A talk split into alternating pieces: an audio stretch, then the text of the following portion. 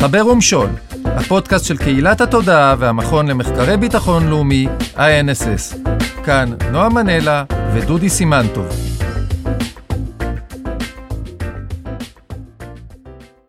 חבר ומשול מספר 5, לצידי דודי סימנטוב, והיום אנחנו מארחים אה, אורחת יקרה, קרין נהון, שנאמר פרופסור קרין נהון, ונדבר איתך קצת על העולם הדיגיטלי, על המחקרים שלך, על תודעה, השפעה, מחאות, ויראליות. אה, בואי רגע נפתח ככה, מה, מה את חוקרת עכשיו? אה, עכשיו, ספציפית. ספציפית כן, ספרי לנו איזה משהו. מעניין כזה. אז אני חוקרת שלושה דברים עכשיו. אחד זה איך באמת אה, ויראליות משפיעה על בחירות, שזה משהו מחקר שמתחיל אצלי כבר עשר שנים והוא מתמשך. בארץ או בעולם? בעולם. אה, את הנושא של דיסאינפורמציה ומיסאינפורמציה בנושא הבחירות, וכמובן כל ההשפעה והטיית הבחירות שהיו בארצות הברית בעיקר, אה, עם ההטיה הרוסית ועם הרעיון של בעצם איך אתה יוצר, אה, מחזק ידיעות מסוימות על סמך, על חשבון ידיעות אחרות. זה נושא שני, ונושא אחרון זה דווקא בארץ, זה לנסות להבין את השיח בטוויטר של הפוליטיקאים, ואיך הכוח שלהם משתנה בעז- בעזרת השינוי במעמד שלהם בתוך הרשת. אוי, נורא מעניין. אז רגע, בואי נלך רגע לראשון. הווירליות כמשפיעה על אה, תוצאות בחירות. איך, איך את בודקת את זה? איך את בוחנת? אז קודם כל יש לנו היום כלים שבנינו במעבדה שלנו באוניברסיטת וושינגטון, שאנחנו יכולים לבחון אם מידע הוא ויראלי או לא ויראלי, כי זה גם לא פשוט. אין, אין הבחנה ברורה למה זה ויראלי. אנחנו אה, בספר שכתבנו עם אני וג'ף המסלי, הדוקטורנט שלי שעבר, עכשיו הוא פרופסור, אה, ניתחנו את מה זה ויראלי. כשאנחנו מדברים על ויראליות, אנחנו מדברים בעצם על מידע שזורם נורא מהר, אה, בצורה חברתית, כלומר מאדם לאדם ולא בצורה של broadcasting, אה, להרבה אנשים, והוא קופץ דרך הרבה רשתות. אז יש לנו דרך למדוד את זה. מה זאת אומרת אה, רשתות? רשתות פנימיות, או שהוא קופץ מטוויטר לאינסטגרם, או שהוא בתוך לא ה... פלטפורמות, רשתות, אוקיי. רשתות של אנשים. רשתות של זאת אומרת, אנשים. אם למשל יש קבוצת אנשים, מה הסיכוי שהמידע יעבור מקבוצת האנשים הזאת לקבוצות אחרות לגמרי, שאין ביניהם שום קשר ואין ביניהם שום אינטרסים. אה, וכשיש קפיצה כזאת, מבחינתכם, אז זה הופך לוויראלי? זאת אומרת, לא, כל עוד אני נמצא לא. בבועה שלי... זה ארבעת האלמנטים, עוד פעם, אה, מידע חברתי, מהירות אה, וריץ', מה שנקרא, חשיפה, גם מבחינת מספר אנשים, מבחינת הרשתות. לגבי המהירות, יש לנו דרך לבדוק את זה מתמטית, לא מבחינת דקות, אלא מבחינת המהירות שבה האסקלציה, המידע מתחיל לזרום לשאר האנשים ומתחיל להתפצל. אה, אבל זה פחות מעניין האמת. רק עוד משפט אותי- אחד, פתאום זה דווקא מעניין אותי, אז את יודעת, זה פודקאסט שגם שלי. אה, אתם בודקים את המידע הזה, את יחידת המידע, כעוברת as is, או כשעושים עליה. מניפולציות, או מימים, או כל מיני... אה. את רואה? יצא טוב. אה, האמת היא שיש ויכוח שהוא די ארוך זמן ביני לבין לימור שיפמן, שהיא כתבה המון על ממים, והטענה שלה שהייתה שוויראליות, ההבדל בין ויראליות לממים, זה שוויראליות זה המידע עובר as is, אבל אין דבר כזה as is, כי ברגע שאני משתפת מידע שלך, אני כבר עשיתי לו איזשהו סוג של framing, אפילו שאני לא אגיד אף מילה, ברגע שקרין שיתפה משהו, זה מקבל קונטקסט אחר. לבטח אם אני אומרת אה, על מידע שהעלית, איזה מידע טיפשי זה, או איזה מידע חכם זה, או לא משנה, אני נותנת לזה attributes, אז ברגע הזה כבר נתתי לזה framing, זה כבר מידע מסוג אחר, זה קפסולה אחרת. אז כשאנחנו מדברים על ויראליות, אנחנו מדברים על מידע, יש את הגרעין, שהוא הגרעין כאילו של היחידת מידע שאחריה אנחנו עוקבים, אם זה וידאו, אם זה תמונה, אם זה טקסט מסוים, שאחר כך משובש אגב, אבל זה אותו טקסט, ואז אנחנו בוחנים איך הוא זז. עכשיו אני אגיד לך איפה החסמים שלנו מבחינת המחקר. אנחנו היום בתחום המחקר, ואני חושבת שגם בתחום התעשייה, לא השכלנו עדיין לעשות, אה, לבדוק ויראליות שהיא חוצת פלטפורמות. אנחנו יכולים לעשות את זה אבל ברמה מאוד שולית, למשל לעקוב אחרי ביטלי או לעקוב אחרי לינקים, אבל זה ברמה מאוד שולית, זה לא ברמה רצינית. לבטח אנחנו לא יכולים אחרי וואטסאפ, ורוב הוויראליות כשמדובר על, על מדינות כמו ישראל, שהיא מדינה מאוד קהילתנית, שמשתמשת בוואטסאפ, בארצות הברית לא משתמשים בוואטסאפ, אז בישראל זה ממש קופסה שחורה שלנו. אז מה שאנחנו עושים זה אנחנו חוזרים אחורה בזמן, אנחנו עושים reverse engineering. אנחנו רואים לאן הגיע המידע, מנסים לראות את הקצוות שלו, מתחילים לחזור אחורה ולנסות להבין מה היה בוואטסאפ. אבל זה לא פשוט. אה, והאמת היא שאני גם כבר פחות מתעניינת בשאלה של אה, אם זה ויראלי או לא ויראלי, כי זה לוקח המון משאבים. אני יותר מתעניינת בשאלה של מה הווירליות עושה לחברה, מה הווירליות עושה לפוליטיקה, שזה לדעתי השאלות אז המעניינות. אולי תתייחסי לזה. אוקיי. אבל בשביל להתייחס לשאלה הזאת, הנה המרואיין הוא גם המראיין, זה קונספט מעולה. תשמע, זה היתרון בניסיון. לגמרי. אבל אנחנו זורמים איתך. הנה, הוא הוציא את ה... די, די, הוצאתי את כל הניירות. המחברת, ואמר, גמרנו. אה, לא, הסיבה שאני רוצה לחזור אחורה בזמן, זה כי באמת הווירליות באמת משבשת את כל יחסי הכוחות שיש לנו. אה, הווירליות היא איזשהו אה, יצור כזה, אני קוראת לו יצור כי היא, היא לוקחת את כל הדינמיקות של הכוחות שקורים, והדינמיקות האלה מאוד מאוד שונות ממה שהיה פעם, אבל עדיין יש דינמיקות מאוד ברורות, יש בעלי כוח מאוד ברורים, למשל הפלטפורמות, המדינות, בעלי הון מסוימים, אנשים עם אינטרסים ספציפיים שדוחפים מידע מכיוון מסוים, אבל היא לוקחת את כל הבלגן הזה שנהיה, ואם תרצו אני אדבר על הכוח, כי הכוח בעצם זה במהות וזה מוביל אותנו לתודעה, והיא משבשת את הכל. עכשיו, היא משבשת את הכל בצורה כזאת, שהרבה פעמים אנחנו לא יודעים, גם מבחינת התוצאה וגם מבחינת התהליך, לאן זה ילך. אנחנו, יש לנו הנחה. כלומר, כשבן אדם רוצה שמשהו יהפוך לוויראלי, הוא אומר לעצמו, וואו, אני רוצה שהווידאו הזה יהפוך לוויראלי, כי אני אהיה מפורסם. או כי אני אשלוט במשהו, אני אשנה את התודעה, אני אשנה את הצורה שבה אנשים חושבים. אבל האמת היא שהוא לא יודע, כי ברגע שזה הופך לוויראלי, זה באמת מגיע וזה יוצר שינויים שאין לו, אין אותו שחקן חברתי יכולת לצפות מראש. וזה מה שמעניין בוויראליות. זה הקטע שבאמת מאפשר לנו, למשתמשים, הרבה כוח. אבל הצד הרע הוא שהווירליות באמת מתרחשת באחוז מאוד מאוד קטן של המקרים. אם אנחנו מסתכלים על כל זרימות המידע, ויראליות זה אחוז קטנטן, אפילו שבריר של אחוז. רוב המידע שזורם הוא כן מנותב על ידי דינמיקות הכוח. אז זה פחות או יותר המאבק, ואם תרצו אני אדבר על דינמיקות הכוח. אה, קארין, מה יש לך להגיד בנושא דינמיקות הכוח? לא, לא, מעניין לגמרי, אני יודע שאת אוהבת את הנושא הזה, אז בואי, בואי נזרום איתך. אמ, אם כבר שאלתם. כן, בדיוק. לא, לא התכוונתי לדבר על זה. אה, לא, האמת היא שדינמיקות הכוח זה באמת משהו שאני חוקרת הרבה זמן. כשאנחנו מדברים על כוח, זה באמת משהו שהוא, אנחנו לא נוטים לחקור אותו לעומק, אבל אנחנו משתמשים במילה הזאת הרבה, מה זה כוח. אה, ואני באמת חוזרת לספרות הסוציולוגית והפוליטית של מה זה כוח. אז כוח, קודם כל, זה יכולת של שחקנים לשנות את ההתנהגות שלנו. וזה קורה כל הזמן. תחשבו על איך הפלטפורמות בעצם משנות את, ה, את נקרא לזה, את העדפות שלנו ואת השינוי התנהגות שלנו לגבי הסטינג של הפרטיות שלנו. אנחנו יודעים שה... אנחנו היום, יש מחקרים מאוד יפים שמראים את זה, אה, יותר פותחים במידע ממה שאנחנו היינו רוצים. כלומר, מישהו שינה את ההתנהגות שלנו באיזושהי נקודה של הזמן, יש אפילו מחקרים אה, איך הפלטפורמות עושות את זה, אה, אבל זה סוג אחד של כוח, שינוי התנהגות, שזה קל לנו כחוקרים אגב לבחון. כי אם, אם נועם רצה לעשות א', ובסוף הוא עושה ב', אז אני יכולה לדעת שנועם הזיז את עצמו מא' לב'. כמה קל, אני יודעת, עכשיו רק נשאר לשאול מי הזיז את נועם מא' לב'. זה השאלה. זה החלק הקל. אבל יש שני סוגי כוח שהם הרבה יותר עמוקים לדעתי ויותר מסובכים לנו לחקור אותם. אחד זה השינוי בסדר היום. שזה ראינו את זה בתקופת הבחירות מאוד חזק. למשל, כל השינוי בסדר היום של הילרי קלינטון. מי שבחן, אה, יש תמונה מאוד, גרף מאוד יפה, שמראה את, ה, את הסקנדלים באימייל, איך שהם תפסו ממש כל הסקנדלים של אה, פודסטה שפרצו, שוויקיליקס שחררה. שממש תפסו את כל סדר היום של, ה, של הבחירות בנושא של הילרי קלינטון.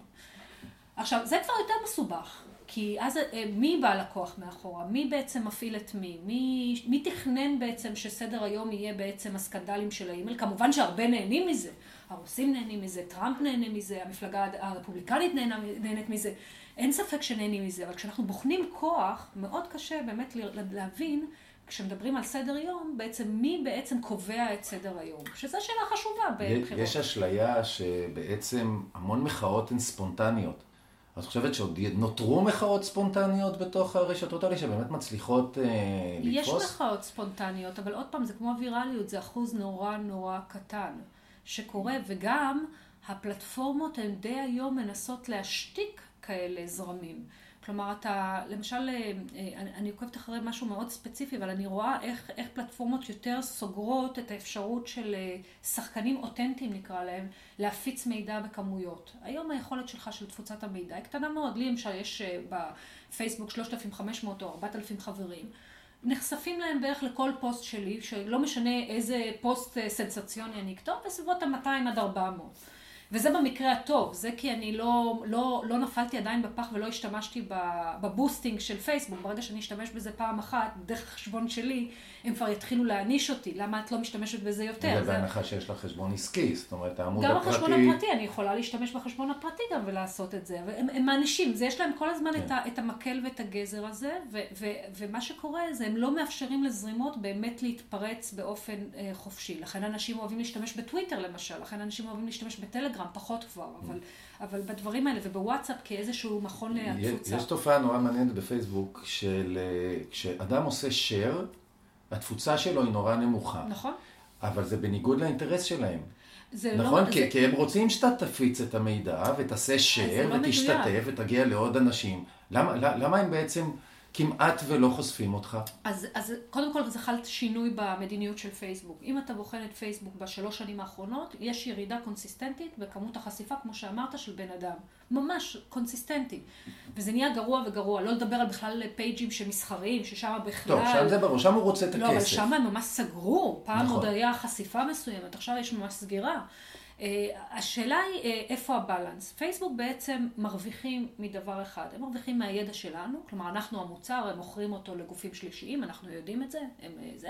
הם מרוויחים גם מעוד דבר, כלומר הם מרוויחים גם לא רק מלמכור את הידע עלינו, הם מרוויחים כמובן מהפרסומות, שזה שונה קצת מהידע עלינו. עכשיו, זה, זה עניין של בלנס. אנשים מתחילים רק עכשיו להבין שפייסבוק לא, לא, איך הם אמרו? connecting people, הם לא מקשרים אנשים. פעם היה חזון של, של צוקרברג, היה אנחנו we are here to connect people. אנחנו מזמן כבר מבינים ש- we are not here to connect people. מה הם רוצים? הם רוצים שכל אדם מבחינתם, אפילו אם תשלם סנט אחד בתור בן אדם פרטי עבורם, הם ירוויחו המון. זה הרי, זה הרי פלטפורמה של שני מיליארד ונקודה שתיים, שלוש, תלוי מי, מי ספר אחרון. אז מבחינתם הם רוצים כמה שיותר אה, אה, לעשות monetization, לעשות מין אה, אה, אה, פיננסיות, אם תרצה לקרוא את זה, או להמיר אותך ל bucks, לכסף. אה, הבעיה היחידה שהם עכשיו גם נתקלים בה, וזה בדיוק הנקודה שאתה אמרת להם, כי אתה הלכת צעד אחד קדימה, זה איפה הנקודה שאתה שופך את התינוק עם המים. שפתאום אנשים מתחילים להבין שפייסבוק היא לא המקום הכי דמוקרטי בעולם, ואולי כדאי למצוא תחליף לפייסבוק. הבעיה היחידה שכולם שמה. וכאן... אנחנו מושקעים שם עמוק, לגמרי. כאן הנטוורק אפקט הוא מאוד חזק. לדעתי הילדים כבר לא שם.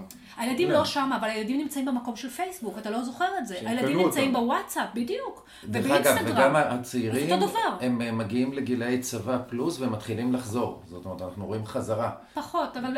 לא, לא, הם חוזרים, כי האינסטגרם סוף הוא מוגבל להם, וכשהם כן רוצים להגיד משהו לעולם, הם מתחילים לחזור. אז הם כן שם. אגב, תשים לב גם לשינוי המדיניות של פייסבוק בשנה האחרונה, שאמרה, היא שינתה את המדיניות, בהתחלה היא אמרה, אנחנו לא מתערבים במה שאינסטגרם ווואטסאפ עושים, הם יחידות נפרדות, ואז פתאום שינו את המדיניות שלהם ואמרו, אנחנו אוספים מידע מכל משפחת פייסבוק. אז אמרתי, נהדר, פתאום קארין הפכה לחלק ממשפחת פייסבוק. מה זה משפחת פייסבוק? עברנו ממשפחת סלקום למשפחת פייסבוק, או משפחת אבק. כן. או כמו שמישהו אמר באחת הקבוצות בזרז, הוא קרא לזה מרקסיזם.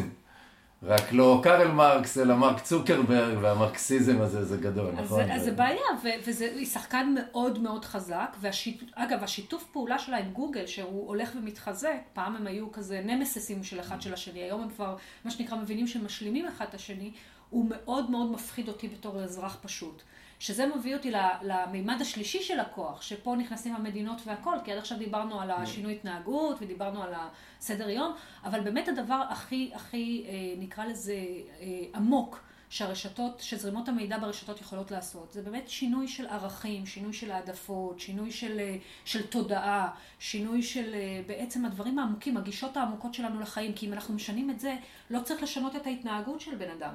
אם אתה משכנע בן אדם שזה הדבר הנכון, שלמשל מועמד לבחירות הוא המועמד הנכון כמו טראמפ, אז למה אתה לא צריך אחר כך לעמוד לו עם אקדח על הראש ולהגיד לו בוא תצביע לטראמפ, כי הוא יהיה הראשון שיצביע לטראמפ. והשינוי תודעה הזה, זה בעצם מהות הכוח הכי, מבחינתי, הכי מהותית מבחינת מה, מה אפשר לעשות עם הרשתות החברתיות.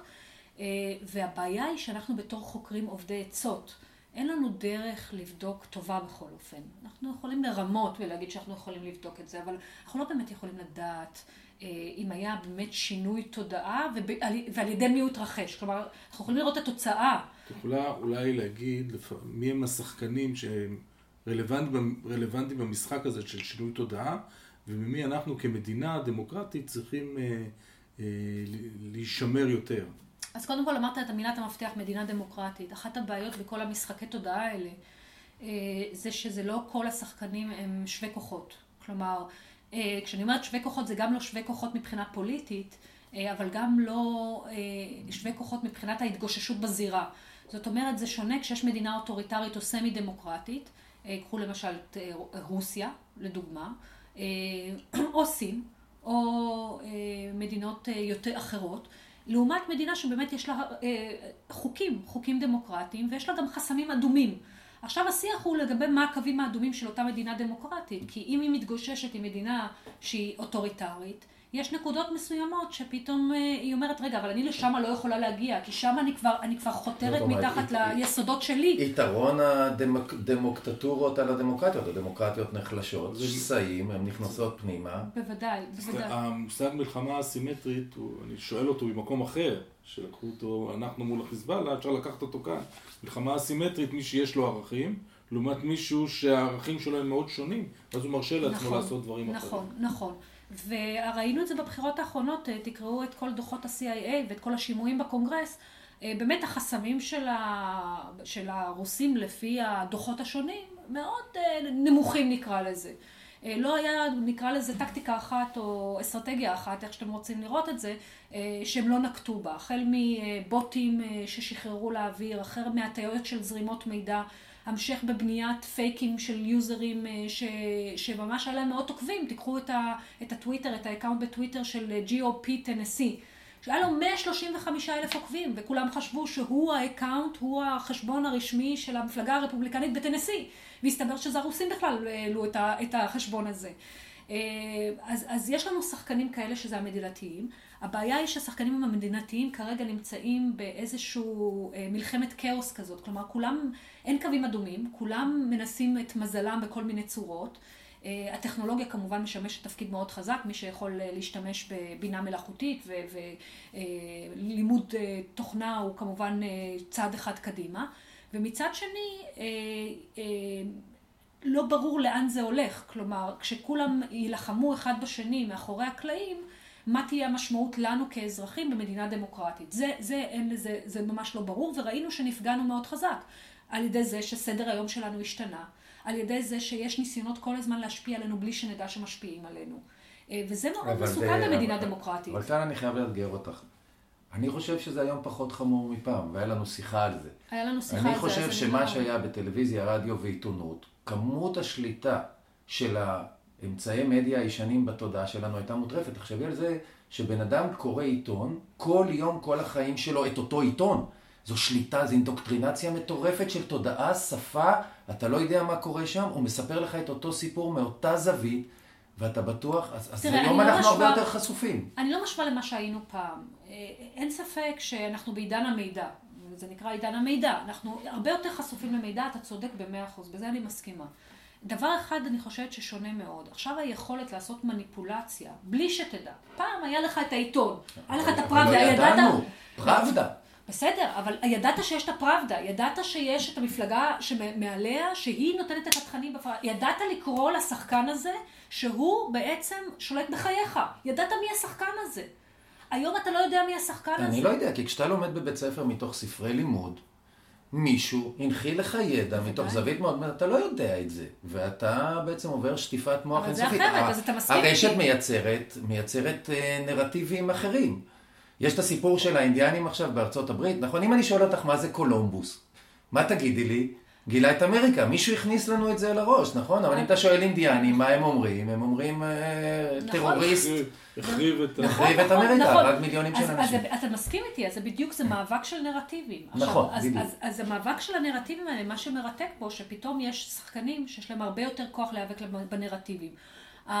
היום, ככל שאני רואה את זה אמפירית, ממש אמפירית, היכולת של אה, פעולה קולקטיבית, של האזרח הפשוט לקום ולהתמרד, זה, אנחנו אוהבים את זה בתור חוקרים, זה הרומנטיות שלנו, כאילו אם, אם לא היה לנו את זה, איזה תקווה היה לנו, נכון? אם היינו אומרים רק שבעלי הכוח הם כל הזמן אה, יכולים לנתב את כולם. אבל זה, זה, זה בחריג. זה פיק, את אומרת שזה פיקציה בעצם. זה לא פיקציה, זה לא פיקציה. יש, זה בדיוק הווירליות שאהבתי ואני אוהבת ללמוד אותה, כי היא באמת, היא מייצרת שיבוש של כל יחסי הכוחות, אבל היא קורית בצורה חריגה. היא לא, היא לא נקרא לזה, היא ה exception, היא החריג, היא לא הכלל. אבל מה שרציתי להגיד, לא הכנסנו את הסיפור של הפלטפורמות בכל הסיפור. דיברנו על המדינות, אבל הפלטפורמות הם היום הבורר והאוכף האלטרנטיבי למדינה. מה המשמעות של זה לעניין הדמוקרטי? כלומר, אנחנו מדברים על מדינה דמוקרטית שאמורה לאכוף חוק, ליצור שוויוניות, ליצור חירות.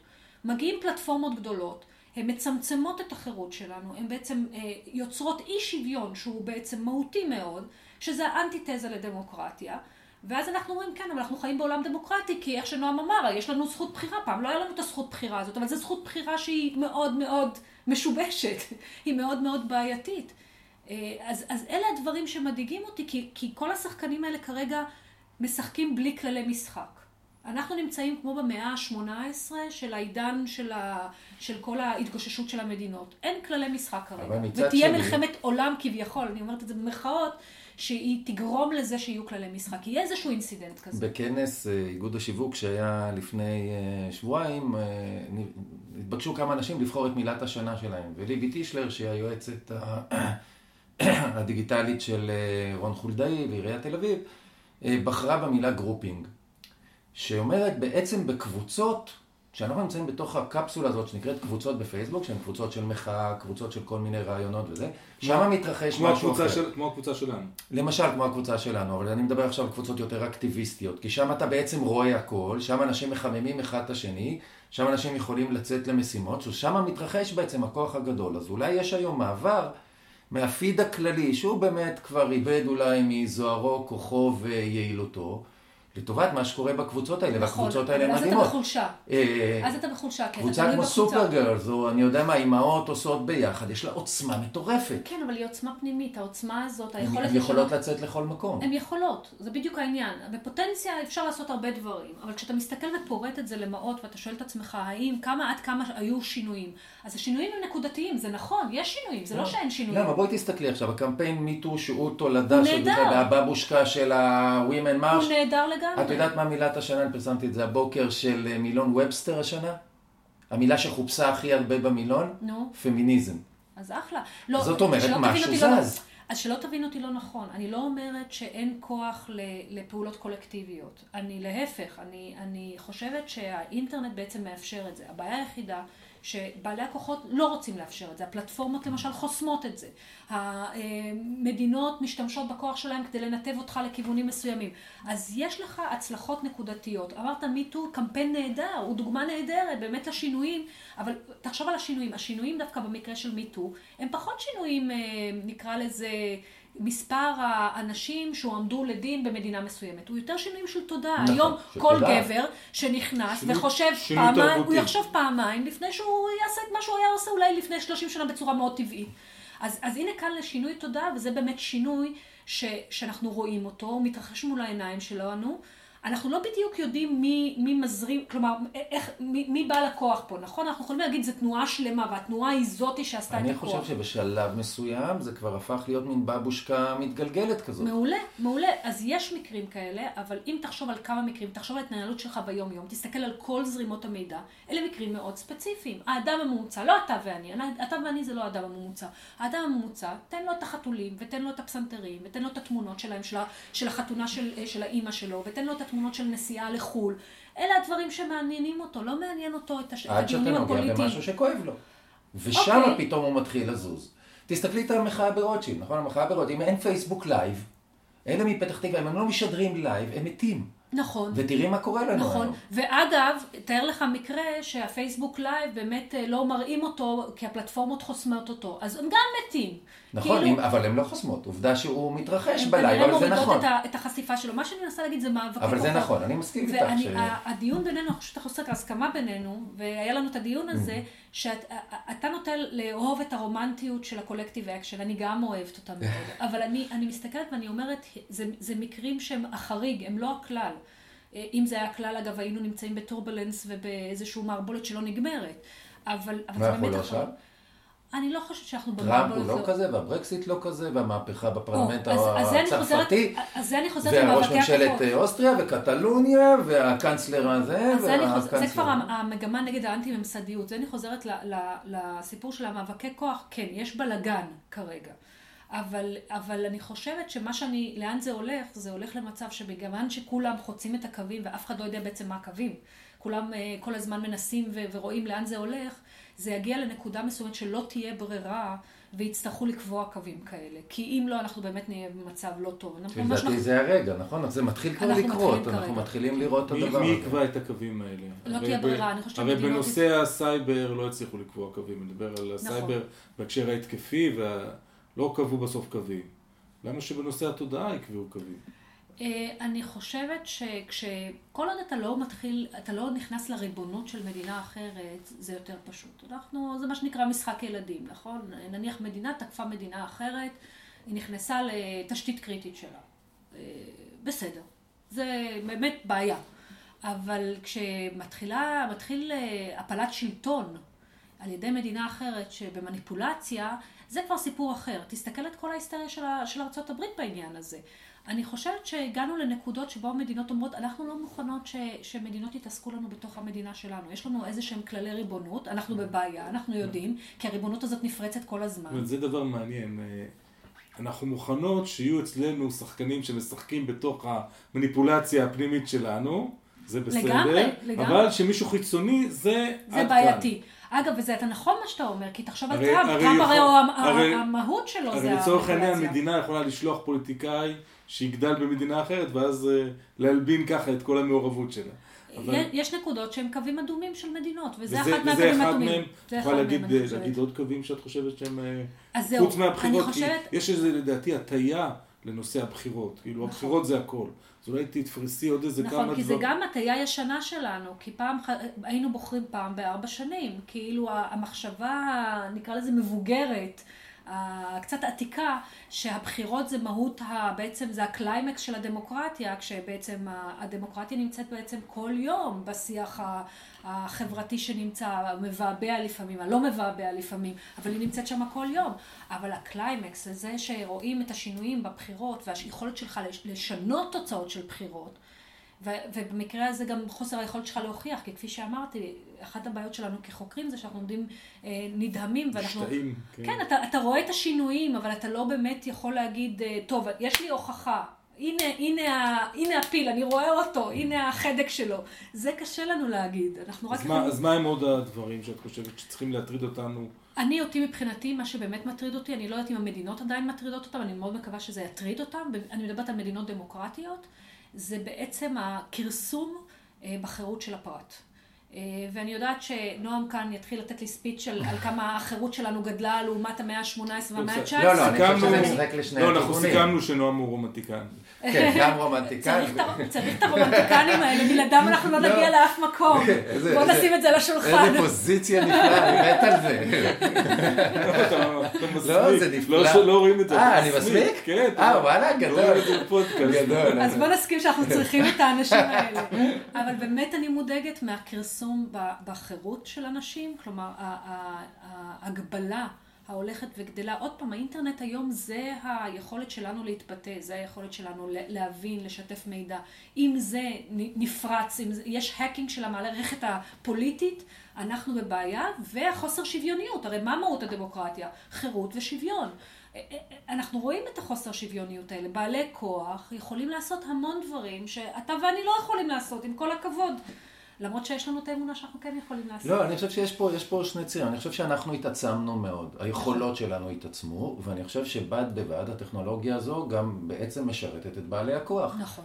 הם יכולים לראות אותנו יותר, יש מצלמות בכל פינה, עוד מעט תהיה את הזיהוי פנים, נכון. אתה, זה, זה כמובן כאן זה נובע- נכנס אגב המאבק שלי, הציבורי, כבר- לגבי אה, יותר שקיפות. אני באמת נכון, חושבת שה... שהוא מאוד מאוד חשוב. הוא חשוב, הוא רק קצה של הקרחון, אבל באמת התפקיד שלנו, לא רק כחוקרים, אלא כחוקרים וכמשתמשים, זה באמת כל הזמן להיאבק, ב, ב, נקרא לזה בסקיו, ב- בעיוותים, ב- בחוסר שוויון הזה שנוצר, אבל הוא חוסר שוויון שהוא לא סתם, אתם יודעים, פרטו 80-20 או זה, אנחנו מדברים על 99 אחוז, אחוז אחד, למשל, בחוסר שוויון, וזה התפקיד שלנו להיאבק בזה, באמת התפקיד שלנו. זה בעצם בגלל זה אולי השמחה הגדולה של ניצחון אה, סטטוסים מצייצים על, ה... על המרקסיזם, לא? אז אני הולכת, אני הולכת אה, להוריד לכם את. ההתלהבות. אני באמת חושבת שהסיפור, קודם כל, סטטוסים מצייצים, תסלחו לי על העניין, הבן אדם, אה, לא נעים לי להגיד, השתין מהמקפצה. לא, הוא- ברור, אבל הוא- בכל, אבל ולמרות משהו שהוא עצבן את הגולשים, וכשהוא ירד אז הי- היו בעד להוריד אותו רוב הגולשים, קודם כל זה לא נגמר שם. הסיפור, ו- נכון. ופייסבוק לא תוותר מהר, היא, היא, היא לא יכולה להתחיל לוותר מהר על כל, כל אלה שהיא חסמה עד עכשיו, וזה היו מיליונים על, אה, או עשרות מיליונים, יחזרו אליה בבומרנג, היא לא תוותר כל כך מהר. ושניים, בואו, זה לעג לרש, היא החזירה את האתר. את- אנחנו לא, היא שולטת הרי על השיבר, היא יכולה להראות את זה ל-20 אנשים מתוך כן, ה-600 היי אתה, אני דיברתי על זה שזה עונש נוראי, מפני אז- שעונש לא שקוף, אתה לא יודע, לא, זה נורא. בדיוק, היא תגיד, אין בעיה, אני אחזיר אותך, אתה תהיה חי מת. כן, נהדר, כן. פנטסטי, אז ממש ניצחון. מייצרת, אה, זה מייצרת בעצם עמודי זומבי. נכון, נכון, אז, אז, אז אנחנו עדיין לא יודעים, אני, אני לא חושבת שהצעקות האלה של ניצחון אה, סטטוסים מצייצים על אה, פייסבוק הוא מאוד מוקדם. פתטי. אה, אתה אמרת את זה, אבל אני, אני, אני, אני, אתה יודע מה, אני מתחברת למילה. אה, אנחנו לא שמה. באמת נוצרו שתי פלטפורמות מאוד מאוד גדולות, גוגל ופייסבוק. יש גם אחרות, אבל הן באמת המהותיות ששולטות בתכנים. אה, ואנחנו צריכים לבנות סטנדרטים של אחריותיות שכיום לא קיימים בפלטפורמות האלה. והמדינות אגב ניזונות... האיחוד. האירופי מנסה האיחוד לעשות האירופי מנסה, משהו, נכון. ובאמת הוא כנס את אה, גוגל כמה כמה פעמים, שני שני מיליארד, מיליארד. 2.7 אבל אתה מבין מיליארד, שזה- הם לא לא משלמים, נכון? נכון, אז נכון. לא ראיתי שהם משלמים, רק ראיתי שהוא כנס. נכון, נכון, אבל זה התחלה, והאיחוד האירופי באמת יותר, אה, נקרא לזה אקטיביסט נגד הפלטפורמות, ולפחות נגד השליטה במידע שהוא שלנו, והוא עלינו. אה, אבל אה, תחשבו על המדינות הדו-פרצופיות שלהם. מצד אחד הן מייצרות הצעות חקיקה כנגד הפלטפורמות, הצעת פייסבוק, אה, חוק כל הבלוקינג והזה, ומצד שני הן ניזונות מזה. הרי, הרי פייסבוק בשבילם זה מכרה הזהב הכי גדול, במקום שהם יצטרכו לייצר את, ה, את המערכות שלהם שפורצות, הם משתמשים בעצם במערכות האלה על מנת להשיג מידע על הגולש, על האזרח אה, וכדומה. אז יש פה גם דו-פרצופיות של המדינה. זה... אז בואי רגע ניקח אותך לנושא השני, אמרת שהוא הנושא היותר מעניין, זאת אומרת עד עכשיו היינו במשעמם, אה, שהוא הנושא שבעצם איך זה משנה את הפוליטיקאים. וואי, אוקיי, זה ה... הפוליטיקאים זה סיפור נורא מעניין, כי קודם כל המפלגות בלי קשר נמצאות בתקופה של, של הצטמצמות. המפלגות נעלמו, התשתית המפלגתית של פעם, מפא"י של פעם, הליכוד של פעם, היום אנחנו לא רואים את זה. למרות שהוואטסאפ קצת החיה את הקבוצות דיון, אגב, נכון, עוד פעם, אבל זה סיפור. אחר, זה לא התשתית ה... שהיו הסניפים הידועים ש... שהיינו רואים אותם.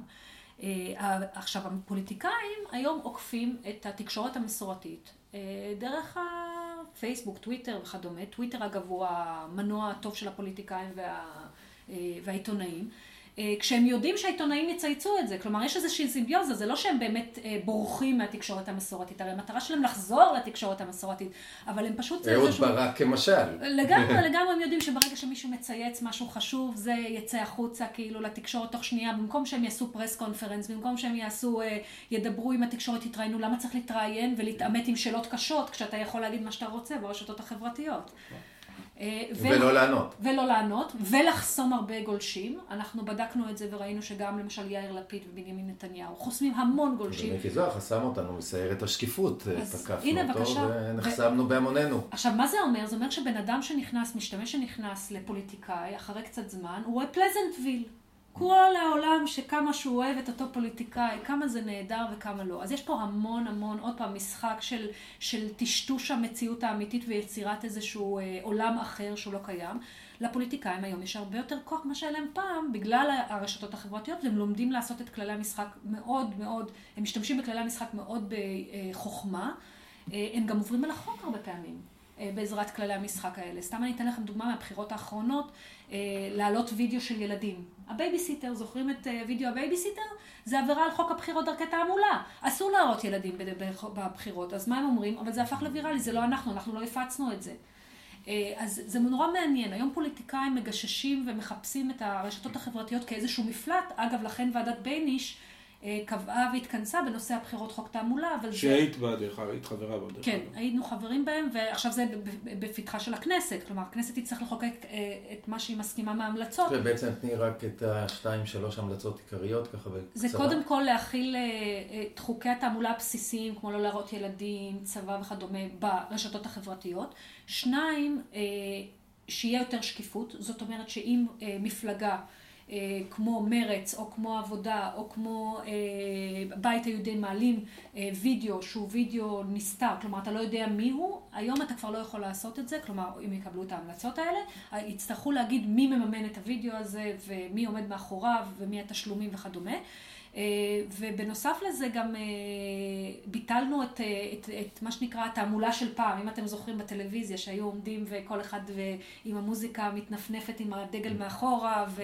תשדירי התעמולה. לגמרי, אז זה נגמר, ובעצם כל מפלגה תוכל לקנות את הפרסומות שהיא רוצה, או בטלוויזיה, או ברדיו, או באינטרנט. אבל זה יהיה שקוף לחלוטין, והם יצטרכו לדווח על זה. שזה הפואנטה. ביטלתם את מה שכבר בוטל. כבר אף אחד, זה היה סתם. אה, אה, לא, מה זה שקרה בבחירות האחרונות זה שכולם העבירו את- את ה-85% מהכספי התעמולה עברו לאינטרנט, אבל לא היה לך שם שום אכיפה. ליושב ראש ועדת הבחירות לא הייתה בעצם יכולת לאכוף את מה שקורה באינטרנט, ושם אתה ראית מה שראית, היה הקצנה והסתה, ו... אז זה אנחנו מקווים אה, לעצור את הדברים האלה, ולהשית המון קנסות. מסתבר שעד עכשיו אה, מי שעבר על חוק הבחירות זה היה עבירה פלילית, אז אף אחד בדרך כלל לא, לא, לא הפעילו את החוק הזה. אה, והם ידעו את זה, אבל עכשיו כשיהיו קנסות וקנסות כואבים, אז הם יחשבו פעמיים אותו קמפיינר או אותו, אה, אותה מפלגה. תודה. היה... זה היה קצר. זה היה קצר? לפודקאסט זה תודה רבה. תודה רבה לכם. היה ניפגש- מעשיר. ניפגש בקהילה. ניפגש בקהילה, והיה מעשיר ומעניין, ונתת לנו איזשהו ככה הצצה לתוך העבודה נגד שלך. ה... אה, ואני נשאר ברומנטיקה, ואת נשארת במלחמה מול הכוח, וככה נשלים אחד את השני. תודה רבה, נאון. תודה, היה תודה. תענוג. חבר ומשול, הפודקאסט של קהילת התודעה והמכון למחקרי ביטחון לאומי, INSS. כאן נועה מנלה ודודי סימנטוב.